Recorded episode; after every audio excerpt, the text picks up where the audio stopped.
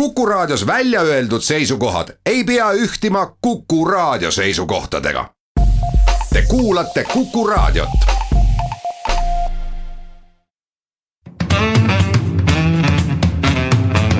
muuli ja Riikoja tere päevast, head kuulajad, kell on seitse pool minutit üle üheteistkümne, et on reedene päev, siis loomulikult ka saate Muuli ja Riikoja aeg. Kalle Muuli ja Hindrek Riikoja on stuudios. tere päevast. alustame tänast saadet eestikeelse haridusega, sellel nädalal jõudis riigikogu nii äh, valitsuskoalitsiooni eestikeelset haridust puudutav eelnõu ja lasti põhja Reformierakonna vist juba kevadel esitatud eelnõu.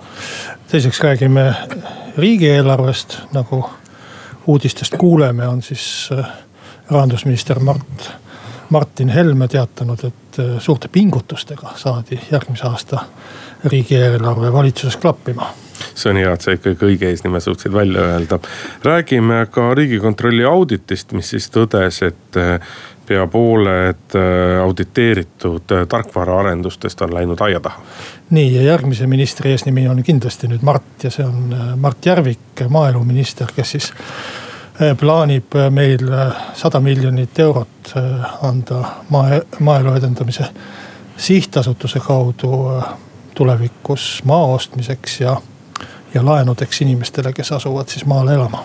ja viimase teemana räägime sellest, et tuleb välja, et Tallinnas on suured kunstis, kunstispetsialistid, nimelt otsustas Tallinn keelata ühe väga provokatiivse kunstinäituse välireklaamid Muuli ja Riikoja. kui siin veel viis või kümme aastat tagasi oli ühiskonnas nii-öelda väga selged erimeelsused selles osas, kas kogu haridus peab olema eestikeelne või on äh, täiesti mõistlik ikkagi ka nii-öelda nii eestikeelse kui venekeelse hariduse jätkamine siis vähemasti selles, et haridus võiks olla kõik eestikeelne alates lasteaiast lõpetades keskkooliga, sest et kõrgkoolist trügib paratamatult ka ingliskeelne kõrgharidus sisse. et selles ollakse üksmeelel, siis äh, küsimus on nüüd, kuidas see selle tulemuseni jõuda ja sellel nädalal on kõneainet pakkunud kaks eelnõud, ühelt poolt siis nii-öelda valitsuskoalitsiooni poolne nägemus sellele kuidas eestikeelsele haridusele üle minna ja teiselt poolelt Reformierakonna ettepanekud äh, väga kiireks, äh, väga kiireks eestikeelsele haridusele üleminekuks, aga selle eelnõuga juhtus nüüd küll selline õnnenäote lugu, et peale Reformierakonna ei toetanud seda mitte keegi, isegi mitte sotsid, kes Reformierakonnaga koos opositsioonis on. kui neile kahele eelnõule sisse vaadata, siis äh, üks vähem, teine rohkem, aga tegelikult on nad nii-öelda suhteliselt utoopilised eelnõud mõlemad. Reformierakonna eelnõu selle poolest, et ta nägi ette väga kiiret üleminekut valitsuskoalitsiooni poolne eelnõu sellepärast, et eh, ta on väga umbmäärane, et seal peamiselt tegeletakse tõdemisega, et eestikeelsele haridusele tuleb üle minna. aga millal see täpselt juhtuda võiks, tähtaegadega väga ei priisata asja olemus on tegelikult ju jätkuvalt selles, et loomulikult me peame minema eestikeelsele haridusele üle. aga selle vältimatuks eelduseks on see, et meil peab olema piisavalt õpetajaid, kes suudaksid kõiki kõiki nii eestikeelse emakeelega kui ka venekeelse emakeelega lapsi eesti keeles õpetada. ja tänasel hetkel ei ole meil neid õpetajaid, neid õpetajaid ei ole kuue kuu pärast, neid õpetajaid ei ole kahe aasta pärast. Neid õpetajaid ei ole tegelikult ka viie aasta pärast, et kui me mõtleme, et hakkame nüüd intensiivselt õpetama bakalaureus kolm aastat, magister kaks aastat sinna juurde, et äh, me ei saa nii kiiresti neid õpetajaid, et kõige esimene küsimus, mis tuleb lahendada, on ikkagi küsimus sellest, kes õpetab. Need äh, riigikogus üle antud ja, ja ka maha hääletatud äh, otsused on võib-olla selliseks heaks õppematerjaliks kas algajale ajakirjanikule või algajale poliitikahuvilisele. kuidas teha vahet propagandal ja sisulistel poliitilistel otsustel. et kui Reformierakond koostab ühelauselise eelnõu, mille noh, kokkuvõte on, ma peast ei oska nüüd tsiteerida päris täpselt, aga kokkuvõte on see, et valitsus peab aastaks kaks tuhat kakskümmend neli kogu Eesti viima üle eestikeelsele õppele kogu eestikeelse haridussüsteemi või kogu Eesti haridussüsteemi. et siis selliseid ühelauselisi korraldusi võib valitsusele anda lõputult, võib anda korralduse, et tõstke pensionit erakorraliselt kolm korda. võib anda korralduse, et makske kõikidele kodanikele kodanikupalka viis tuhat eurot. see on sama hea ütlus, kui et Kalle, sinu järgmine saade peab olema kolm korda sisukam kui see saade. no seda isegi on võimalik saavutada no, ehk, ehkki, ehkki no, ütle, näita mulle palun. ütleme, et la, lagi on väga lähedal, aga aga siiski aga ja, ja võib ka lõpuks anda valitsusele korralduse, et tooge kuu maa peale. see on kõik puhas propaganda nüüd, mis on sisuline poliitiline otsus, kui seesama riigikogu võtaks vastu otsuse eraldada raha selleks, et viia need koolid üle eestikeelsele õppele. raha on see, mis tegelikult otsustab selle asja, kui palju me anname raha nende õpetajate koolitamiseks. kui palju me anname koolidele raha selle asja ümberkorraldamiseks. võib-olla mõnes koolis on vaja ka direktorit vahetada või juhtkonda vahetada. aga põhimõtteliselt kui oleks olemas piisav summa, siis saaks seda teha teatud aja jooksul. et äh, saab ka ilma igasuguse kavata ja saab ka ilma igasuguse üleriigilise poliitilise otsuseta seda teha, et kui me vaatame äh, natuke ringi, siis üht-teist on juba isegi tehtud. Äh, kõige kuulsam ja kõige parem näide on ilmselt Kohtla-Järve riigigümnaasium, mis nüüd sel sügisel avati haridusministeeriumist läks sinna Hendrik Agur direktoriks. Äh, korraldab seda kooli seal nii, et mühineb, mühiseb ja nii, et terve Eesti elab kaasa. ja saab väga hästi eestikeelset õpet teha ilma riigikogu otsusteta. Äh, saab, tal on vaja ressurssi ja, ja, ja on vaja pealehakkamist ja tahtmist on vaja. ja täpselt samuti tehti ka Paides, kus sealne linnapea Priit Värk otsustas, et Äh, viimane kohalik venekeelne põhikool tuleb eestikeelseks muuta, see on Hillar Hanso äh, nimeline põhikool. selle kooli esimese direktori järgi ristitud. Äh, ja noh, ongi asi tehtud, et mõnes pool võib-olla nõuab see rohkem ressurssi ja nõuab võib-olla ka mingite õpetajate ettevalmistamist ja, ja veidi hoovõttu. aga, aga nii käib tegelik elu no vaata, sellega muidugi on oluline silmas pidada, et, et niimoodi noh, ma julgeksin öelda hoogtöö korras ja mitte halva tähendusega hoogtöö korras. sa saad teha nii-öelda nagu üksikuid, üksikuid koole, aga kogu süsteemi hoogtöö korras muidugi ei muuda. aga ma arvan, et ega aga see ei ole võimatu. ega sellist asja, Indrek, et me muudame korraga kogu süsteemi, sellist asja ei tulegi. et tegelikult seda asja tulebki läbi viia koolide kaupa väga kena oleks, kui valitsusel või riigikogul oleks kava. millised koolid järgmine aasta, millised koolid ülejärgmine aasta, millised koolid viie aasta pärast. ja selle kavaga käiks ka siis rahasumma kaasas, et kui palju selleks raha kulub. et selline plaan võiks olla olemas, et ma üldse ei eita, et seda peaks niiviisi kaootiliselt, ma ei arva, et seda peaks nii kaootiliselt tegema, aga aga kindlasti peaks äh, olema kaasas sellega raha ja ressursid, et siis on tegemist sisulise poliitikaga. kui me lihtsalt ütleme, et viime Eesti koolid üle, siis äh, igasuguseid asju võib ütelda. Jah, aga vot kahju ongi, et ega ka nüüd valitsuskoalitsioon ei ole selles mõttes omalt poolt välja tulnud ka millegi kavaga, et see ei ole nii propagandahõnguline, kui on või, või, või populismihõnguline, nagu oli Reformierakonna eelnõu. aga ka see nii-öelda konkreetsust on seal ikkagi nagu väga vähe, et, et mis see on, noh või mis on meie võimalused, üks võimalus on nagu see välja tulid, hakata ka nii-öelda kool kooli kaupa liikuma. teine, samas ka kool kooli kaupa me peame paratamatult arvestama, et, et see aeg on tegelikult kaheksa-üheksa aastat. et äh, gümnaasium peab olema juba praegu, eks ole, igal pool eestikeelne. noh, seal ei ole küsimus, see on äh, enamus kohta või paljudes kohtades on see saavutatud, eks ole, ja see on saavutatav, aga altpoolt noh. kes on oma põhikooli või algkooli juba nii-öelda vene keeles alustanud, eks nende puhul on paratamatus, et nemad peavad oma selle koolitee kuni üheksanda klassini saama käima, käia ikkagi venekeelses koolis aga, aga kõik ülejäänud, et iga uus esimene klass, mis vastu võetakse, sealt nii-öelda peab see eestikeelsus liikuma hakkama, et need on need kaks teed, mille, mis pidi minna, aga jah, et kust võtta need õpetajad, sest et ega see ei ole ka selle nii-öelda vene emakeelega äh, lapse õpetamisel, isegi kui ta on juba käinud lasteaias, ainult eestikeelses lasteaias. siis tema õpetamine ka seal, ka koolis, ta tahab pisut teistsugust lähenemist, et me ei saa teha ka nii julmalt, et me võtame Eesti seni Eesti koolis töötava õpetaja ja paneme ja, ja saadame ta nii-öelda vene lapsi õpetama, et. et metoodikad on erinevad seal on erisusi, kõike seda peab õpetama ja kõige selle jaoks on vaja raha, jah. jah, äh, selles äh, eelnõus, mille äh, Üllar Saaremäe valitsuskoalitsiooni erakondade nimel riigikogule esmaspäeval üle andis, selles on küll kirjas ka punkt, et valitsus peaks koostama sellise plaani. aga ma kordan, et selle plaani kohta ka, et kui selle plaani katteks ei ole ette nähtud rahasummasid, ei ole ette nähtud, kui palju raha antakse ja et need summad oleks ka reaalsed ja et neid võimal-, oleks võimalik ka siis riigieelarve strateegiasse, riigieelarvesse sisse planeerida. et niikaua need plaanid on kõik äh, üks selline näpuga vee peale või, või udusse joonistamine.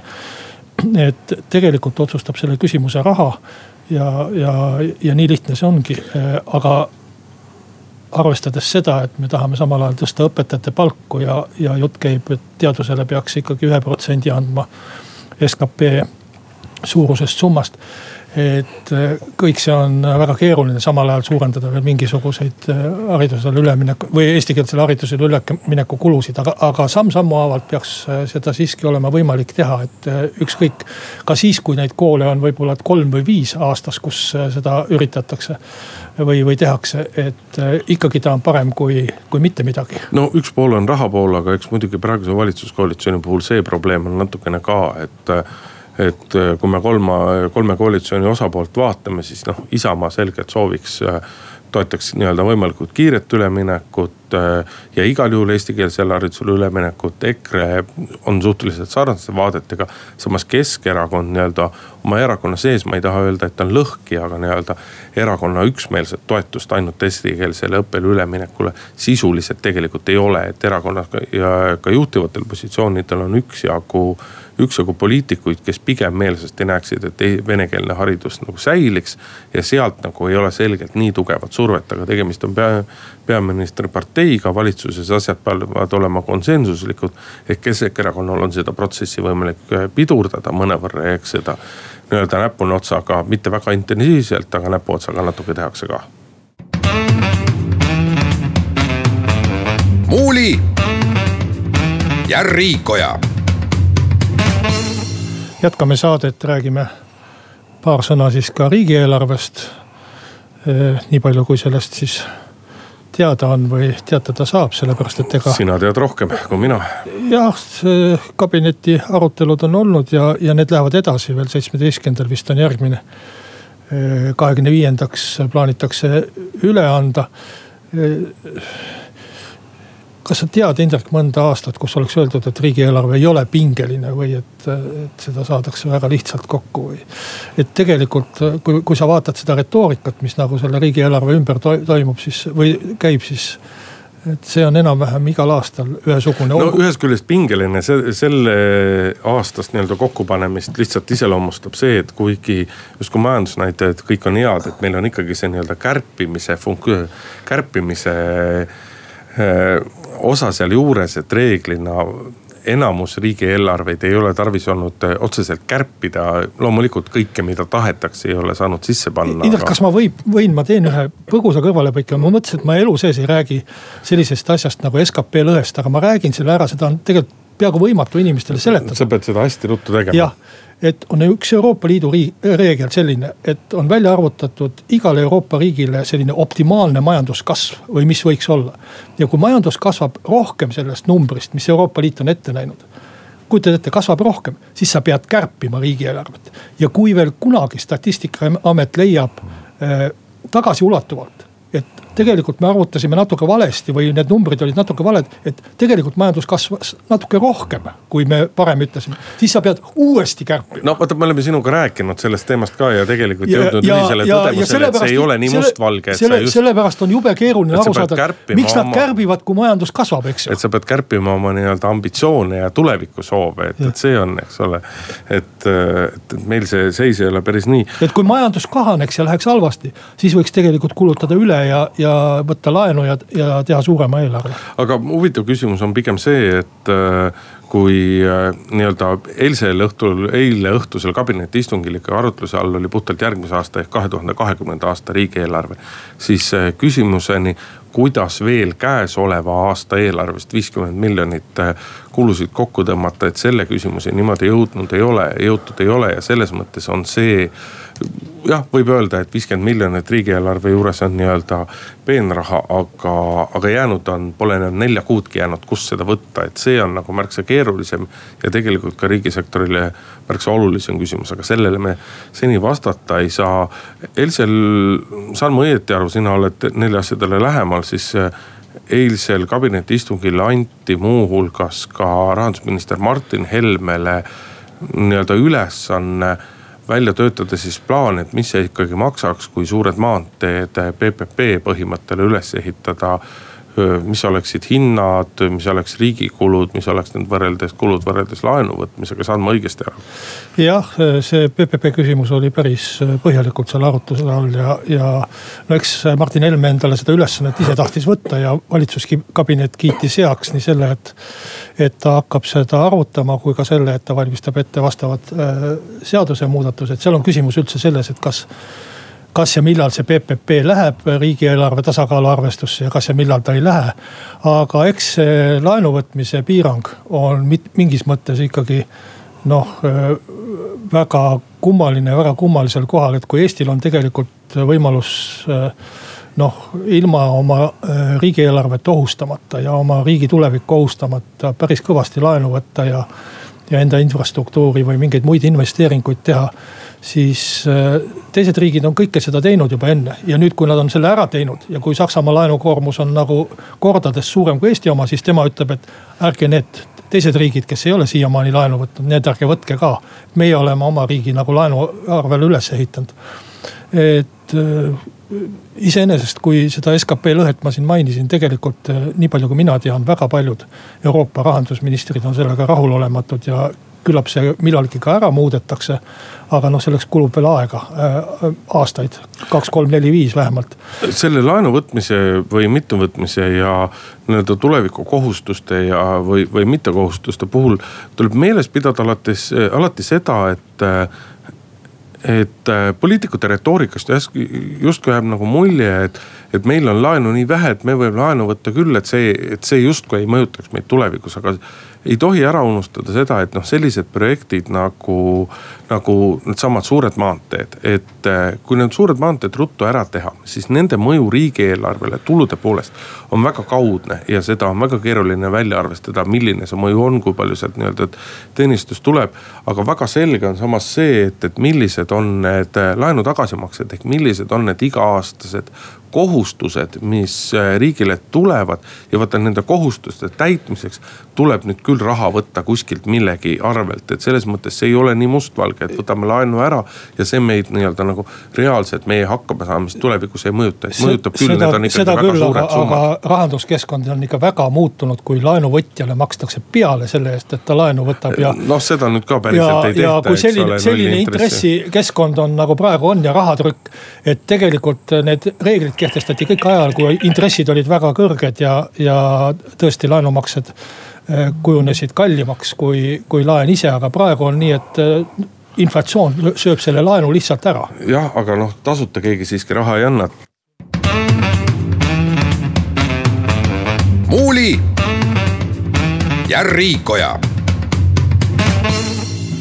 Kalle Muuli ja Hendrik Riikoja jätkuvalt stuudios ja läheme oma saatega edasi. riigikontroll avalikustas sellel äh, nädalal oma auditi, kus siis äh, uuriti, äh, kui ma ei tea, mis see õige sõna on, kui edukad või kui hästi on läinud erinevad riigi tarkvarahanked. kui ebaedukalt või, või kui ebaedukalt. tavaliselt riigikontroll ikka uurib seda, kui ebaedukalt on läinud. no tahaks siiski loota, et, et, et riigikontrolli eesmärk ei ole tingimata ära panna, vaid nii-öelda ausalt ja objektiivselt analüüsida, kuigi jah, tõdeme, et kui vaadata seda, mida välja hõigatakse, siis alati ei saa selles kindel olla, et kas otsitakse ebaedu või, või reaalset seisu tingimata. aga jõuti siis jah tulemuseni, et peaaegu pool, peaaegu pool kontrollitud hangetest läksid noh, ütleme siis aia taha. Kas ei tulnud korralikult välja, kas läksid jupp maad kallimaks, kui algselt planeeriti. ja kui katsuda kõike seda nii-öelda keerulist juttu, sest et see IT-teema on üks väga keeruline teema ja selles ongi need probleemi juured tegelikult peamiselt peidus, siis mina olles ka nii-öelda paar aastakest, paar talve ka riigiametis töötanud. ja üleüldse, kui IT-st rääkida, ma arvan, et kõigi nende hangete põhiline probleem on see, et ega tegelikult enamus hankijaid ei saa päris täpselt aru, mida neile tehakse. osatakse püsti paika nii-öelda, püsti panna eesmärk, milleni tahetakse jõuda, mida tahetakse teha. aga kogu teekond selleni on väga kontrollimatu ja selle käigus on võimalik tellijat äh, noh, väga tugevalt hanitada, ütleme siis niimoodi. et tegelikult ei, tellijad tihtipeale nad ei tea päris täpselt, mida nad tellivad ja seal on need juured peidus ja, ja ma, ma julgen ka öelda, et see ei ole tegelikult mitte ainult riigiasutuste häda, et äh, kui ma räägin ka oma eraettevõtluses äh, tuttavatega, siis ega kõik tunnistavad, et kõik, mis puudutab mingisuguste suuremate süsteemide arendamist äh, IT-tehniliselt ja kõik see. siis see ongi üks tohutu keeruline maastik, millest kunagi ei ole sul päris täpset aimu, millal see valmis saab ja veel vähem on sul aimu sellest, mis see ikkagi nagu maksma läheb. eks aeg on ka edasi läinud ja, ja süsteemid on läinud keerulisemaks ja see, mida me tahame ja, ja mahukamaks, et see, mida me tahame, on üha, üha suurem ja üha võimsam ja äh, üha, üha keerulisem äh, asi ju tegelikult, et kui riigi infosüsteemidest äh, rääkides ma vaatasin järgi. riigil on üldse kasutuses üle tuhande infosüsteemi, aga need, mida tehakse need on ju alati varasematest noh ütleme praegu justiits. võimekad, funktsionaalsemad, nii edasi, nii edasi, nii edasi. ja sellised äh, laiahaardelisemad ka ja, ja meie nagu soovid ja unistused ju kasvavad. et praegu ütleme, kui ma räägin justiitsministeeriumi haldusalast, siis üks kõige selline suurem eesmärk on, et saaks ütleme kogu kriminaalmenetluse nii-öelda arvutisse panna, et seda nimetatakse uhkelt digikaareks. et alates sellest, kui keegi teeb politseisse avalduse, kuni siis läbi uurimise ja, ja läbi kohtu kuni viimase astmeni välja.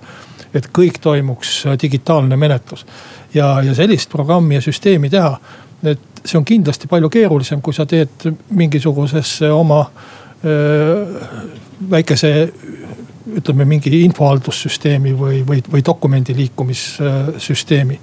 et ja, ja mis riigi puhul on kindlasti veel, teeb asja keeruliseks see, et, et see arendus kestab teatud hulk aastaid, seda ei tehta ühe kuuga. ja see, kogu selle aja jooksul muudetakse kogu aeg seadusi, ehk siis see, mida see infosüsteemi tegija nüüd peaks järgima, muutub kogu aeg. talle öeldakse kogu aeg, et kuule see muutus nüüd ära, tee nüüd midagi muud. ja tee nüüd sedasama raha eest, mis me sulle algul kokku, kokku leppisime. et, et väga suurte ja mahukate süsteemide arendus, mis kestab aastaid läheb tihtipeale selle nahka, et vahepeal muutuvad seadused teiseks ja tuleb hakata uuesti arendama otsast peale sedasama asja. aga, aga raha on juba vahepeal ära kulunud, sest põhikulu on tööjõukulu, eks ju, või see, mis inimestele siis makstakse. et noh nii ta on, võib-olla me peaksime mingil määral nagu leppima sellega, et kui me teeme, oleme pioneerid ja teeme päris uusi asju. mida võib-olla, et kuskil maailmas ei ole siiamaani tehtud, et siis aeg-ajalt lähebki mõni asi tuksi. üks probleem, millest äh, väga palju ei ole räägitud, aga mis tegelikult ka on ja, ja mida ma usun, oskavad või noh julgevad sama kinnitada enamus riigiametnikud, kes peavad tegelema ka IT-spetsialistide palkamisega, siis tänapäeval on see olukord selline, et erasektor ostab eh, riigisektorist IT-spetsialiste üle, mitte vastupidi. ehk eh, riigisektor ei suuda endale lihtsalt oma nii-öelda palga maksmisvõimekuse või, või, või palgareeglite tõttu palgata tegelikult nii-öelda samaväärset, äh, samaväärset kaadrit, kui on erasektoris ja, ja, ja, ja kui laua erinevatel pooltel istuvad erinevate teadmiste, kogemuste ja erinevate võimekustega inimesed, siis äh, noh, siis seal on jälle see, see, et äh, osalt on selles riik ise süüdi aga, aga, aga osalt ka erasektorid kasutavad ära, et kasutavad seda ära, et, et noh, ükskõik mis valdkonnas. kui sul tellib, siis tihtipeale valitseb olukord, et kui, kui riigiasutus tellib mingisugust teenust, siis vähemasti esimene hinnapakkumine, mis talle tehakse, on tihtipeale paarkümmend või isegi rohkem protsenti kallim. kui on, kui tehtaks pakkumine erasektorile, et ka sinna nii-öelda on et neid kohti on nagu väga palju, kustkohast see, see tuleb, et, et selles mõttes üldse, et ei tahaks ju riigi kohta hästi öelda, aga, aga see tarkvaraarenduse valdkond on kahtlemata selline, kus kus alati selles kõiges ei ole süüdi riik, et need asjad lähevad aia taha. kuigi tihtipeale loomulikult ka nii-öelda ametnikud ise, nad ei tea, mida nad teha, teevad, nagu sa ütled, seadused muutuvad ja kõik nii edasi. aga küllalt palju üritatakse ikkagi ka riigiasutustele lihtsalt kotti pähe tõmmata. seda muidugi, aga noh, eks hankesüsteem iseenesest peaks natukene seda seda võimalust ja ohtu ju vähendama, et kui, kui reaalselt konkurents oleks olemas või on olemas ju tihtipeale ta on olemas, vähemalt IT valdkonnas et siis äh, see peaks ikkagi noh, teoreetiliselt seda hinda äh, välja selgitama, iseasi, kui nüüd äh, ütleme sõnastamata kokkulepe või, või kirja panemata kokkuleppe alusel kõik pakuvad kakskümmend protsenti üle. aga nii see tihtipeale, nii see tihtipeale ju on ja, ja noh, teine pool ka see, et kui me seda, sa viisid jutu sellele hankesüsteemile ehk riigihangete korrale, siis et, et riigihangete korras ei ole väga palju nii-öelda erisusi aga erisused on nii-öelda loomingulisele tegevusele, mida sisse ostetakse. see sõnastus ei ole muidugi päris õige, aga mõte on selles. ja küsimus on nüüd selles, et kas see, kas tarkvarahange näiteks või tarkvara tegemine, valmistamine, kas see on nagu loominguline tegevus või ei ole loominguline tegevus, et et tal on tegelikult väga palju selliseid loomingulisi tegevuse Eh, jooni sees, aga, aga riigihangete seaduse mõttes absoluutselt mitte, et seal on ka nagu mõningased käärid sees, et. et selles mõttes seda kindlasti peaks vaatama pisut nii-öelda teisiti kui, kui mingisugust maja ehitamist või, või, või, või mingi reaalse nagu füüsilise asja tegemist. muuli ja Riikoja jätkame saadet Indrek Riiko ja Kalle Muuli, räägime uutest huvitavatest ettepanekutest, sedapuhku siis maaeluminister Mart Järvik on tulnud välja ideega. esiotsa ainult ideega, sest äh, raha veel ei ole, aga, aga idee on siis selles, et anda maaelu edendamise sihtasutusele sada miljonit eurot, selline ilus ümmargune summa kahe nulliga. Äh, siis selleks, et äh, edendada maal elu. ja, ja ette on nähtud siis ka viisid, üks on see, et osta kokku maad. noh, väga keeruline mul siin ütelda, milleks täpselt, aga selleks, et siis nendele inimestele, kes tahaksid kunagi maale elama asuda. seda uuesti edasi müüa või rentida, mis iganes kombel. ja, ja teiseks, et siis teine osa summast ehk siis teine viiskümmend miljonit läheks äh, võimalikeks laenudeks, kui need uusasunikud võiks neid vist nii nimetada või, või asunikud. kui need sooviksid laenu saada, noh selline, selline plaan. kindlasti võiks ütelda, et elu maal peaks kuidagi turgutama inimeste elu, elama asumist seal. aga kaua aega linnas elanud inimesena ilmselt ma olen nagu rikutud mõtlemisega ei saa nendest maaprobleemidest enam väga täpselt aru, et miks seda maad peaks üldse vahepeal kokku ostma, miks seda ei võiks siis inimesed ise öö, otse osta nende käest, kelle käest öö, seda vaja on. või no., või rentida, et meil nagu otseselt vast maapuudust veel ei ole tekkinud, kui eriti kui inimesed on sealt ära tulnud. no tõsi, mõned sellised põllumajandustootjad on väga kõvasti seda kokku ostnud ja, ja on tekkinud sellised suured maade ja metsade ülesostjad, et see on arusaadav aga, aga noh, eks ta selline natuke urvepalolik plaan ole? no mina selles mõttes sellest nii-öelda plaani mõttest saan küll väga hästi aru ja, ja mõte on iseenesest nii-öelda nagu üllas ja hea, et. et see on tõepoolest Eesti maapiirkondades on ju suureks probleemiks, et inimesed kolivad sealt ära ja ja eks see on ikka niimoodi, et mida ettevõtlikum sa oled, seda kiiremini sa sealt maalt lahkud ja nende ettevõtlike inimeste hulk jääb nii-öelda nagu järjest vähemaks ja. EKRE ei ole ju ka kunagi saladust teinud, et nad ongi selle lausa ju sellisena välja reklaaminud, et vot see peaks olema suurepärane meede, et nii-öelda Kalevipoegi Soomest Eestisse nagu tagasi tuua. et omaette küsimus on, et kas, kas sellised meetmed nagu soodustingimustel laenu andmine ja ja nii-öelda soodustingimustel maa andmine, et kas need on nüüd need meetmed, mis aitavad inimesi välismaalt Eestisse nagu tagasi tulla, kui selle käigus noh, ärme ütle, et üldse, aga väga kasinalt panustatakse sellesse, et nendel inimestel oleks maapiirkondades ka nagu midagi teha. noh need soodustingimused kõlavad, me täna juba rääkisime sellest tänapäeval väga imelikult, et mida seal veel saab soodustada, aga. aga sellest ma saan aru, et võib-olla, et pangad ei taha maapiirkondadesse eriti laenu anda, kuna nad ei näe seal äh, suurt perspektiivi ja, ja kardavad kinnisvara hindade langust ja mis iganes. et, et äh, sellest äh, probleemist kui sa niiviisi esitad, saan ma aru, aga selleks võiks siis olla ju ikkagi riigi käendused pigem. mitte see, et riik otseselt ise hakkab laene andma, ehkki maaelu edendamise sihtasutust vist siiamaani on ka andnud mingisuguseid laenu ja laene ja, ja, ja, ja raha eh, selle elu edendamiseks, aga, aga põhimõtteliselt mina näen küll seda, et riik peaks sel juhul vähemalt käendama ja võtma. Võtma siis sellise noh, täiendava vastutuse, aga et otse, otse ise hakata pankade asemel rahaga sehkendama, see tundub kuidagi nagu no riik võiks kõigepealt selgeks teha selle, et eh, mis on nagu nii-öelda need täpsed vajadused, mis on need täpsed meetmed, mis aitaksid inimesi tagasi tuua. ja kui palju on potentsiaalselt neid inimesi, kes võiksid sellest huvitatud olla. aga kogu see taustatöö ja kogu see analüüs on, see on nagu pensioni teise samba reformimine, et tuleme hurraa välja ideega, aga kuidas see võiks nii-öelda tegelikku olukorda mõjutada. selle üle meil päris täpset ülevaadet ei ole, et, et selle asjaga on täpselt samamoodi. MES-ist ma saan nagu selles mõttes aru, et eks Raul Rosenberg, MES-i juhatuse esimees, et ta on väga nii-öelda võimekas finantsasutuse juht ja. ja loomulikult tema tahab, et tema organisatsioon ja tema asutus nii-öelda kasvaks, et sellele tuleks tegevusalasid juurde ja nii edasi, et loomulikult tema on huvitatud sellest, et neile. et nad saavad mingisugused täiendavad asjad. sada miljonit on päris suur raha. see on ikkagi väga, väga kena raha, millega millega lammutada, teha, otsida. ja noh, mingit efekti on sellel asjal kindlasti, et loomulikult kindlasti leidub neid inimesi, neid peresid, kes tahavad minna.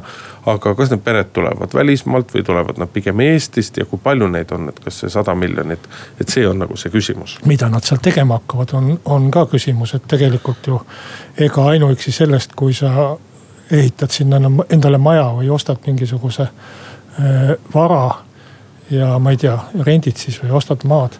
et seda peab ikka väga palju olema, et põllumajandusliku tegevusega praegu ennast äh, toita, et see ei saa olla enam selline vanal kombel äh, talupidamine või, või potipõllunduse pidamine, et see peab ikkagi olema siis terve ettevõtlus.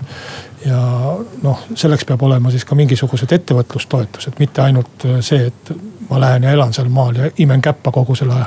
noh, ka ettevõtluse seisukohast, noh ka võimalusi on erinevaid, inimene võib äh, minna maale elama, teha tööd distantsilt, eks ole, et see võiks, need võiksid kõik omavahel seotud olla, et kas sellega kaasneb ka mingisugune kohustus siis nii-öelda kohalikku kogukonda panustada luua uusi juurde töökohti või, või mis edasi, mis iganes, et, kõik see vajaks ikkagi enne, me jõuame nii või naa läbi selle välja selleni, et korralikult oleks vaja välja mõelda läbi mõelda, võib-olla seda kõike on tehtud, aga kommunikeerida seda no, ei ole küll suudetud. et seda ei ole tehtud, aga ega seda ei ka pea praeguseks hetkeks ju tehtud olema, selles mõttes, et, et sellega on nagu pensioni teise sambaga, et.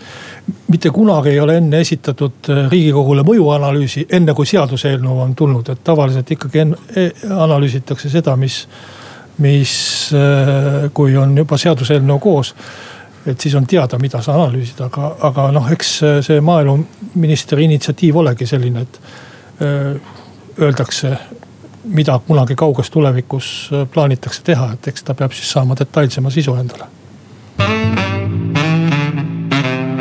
muuli ja Riikoja. Tallinnas on juhtunud selline lustiline lugu, et siin paari nädala eest avati väga suure furoori saatel äh, Briti kunstniku Alison Jacksoni näituse Tõde on surnud ja kui katsuda seda näituse mõtet äh, lühidalt kokku võtta, siis äh, selle näitusega püütakse näidata, kui lihtne on nii-öelda moonutada tegelikkust ja, ja näidatakse läbi siis selle, et pannakse justkui tuntud inimesed tegema asju, mida tegelikult need inimesed ei ole kunagi teinud, aga piltide põhjal jääb mulje, et nad on seda teinud. ja Tallinn on nüüd teatanud, et äh, ära tuleb keelata või otsustanud ära keelata selle äh, näituse välireklaamid äh, üks neist on siis äh, kujutis justkui äh, kadunud printsess Diana näitaks inimestele keskmist sõrme ja, ja teine pilt kujutab äh, olukorda, kus noh, ütleme, et arvatavasti üle kogu keha paljas naisterahvas on jalad harkis justkui Donald Trumpi ees kumbki pilt nii-öelda ei väljenda neid. no ma seal... saan aru, et sa tahaksid, et me töötaksime televisioonis, aga. no saaks näidata, jube keeruline on öelda muidu, et miks need asjad ära on keelatud, aga ühesõnaga Tallinna seisukohalt on siis tegemist äh, nii-öelda heade kommete ja tavadega vastuolus olevate reklaamidega ja sestap tuleb nad ära keelata. ehk eh, noh, tegelikult võib öelda, et eh, linn on asunud kunsti tsenseerima. see on sul vale arusaam, et kunstinäitus on täiesti üleval, seda ei tsenseeri keegi. et vahet tuleb teha eh, kunstinäitusel ja reklaamil. ja reklaamiga on selline lugu, et on meil olemas reklaamiseadus, mis ütleb, milline peab reklaam olema. ja seal reklaamiseaduses on ka sellised kät-, sätted nagu, et on keelatud kasutada seksuaalse alatooniga väljendeid ja kujundeid. ja on keelatud äh, kujutada isikuid äh, seksuaalobjektina.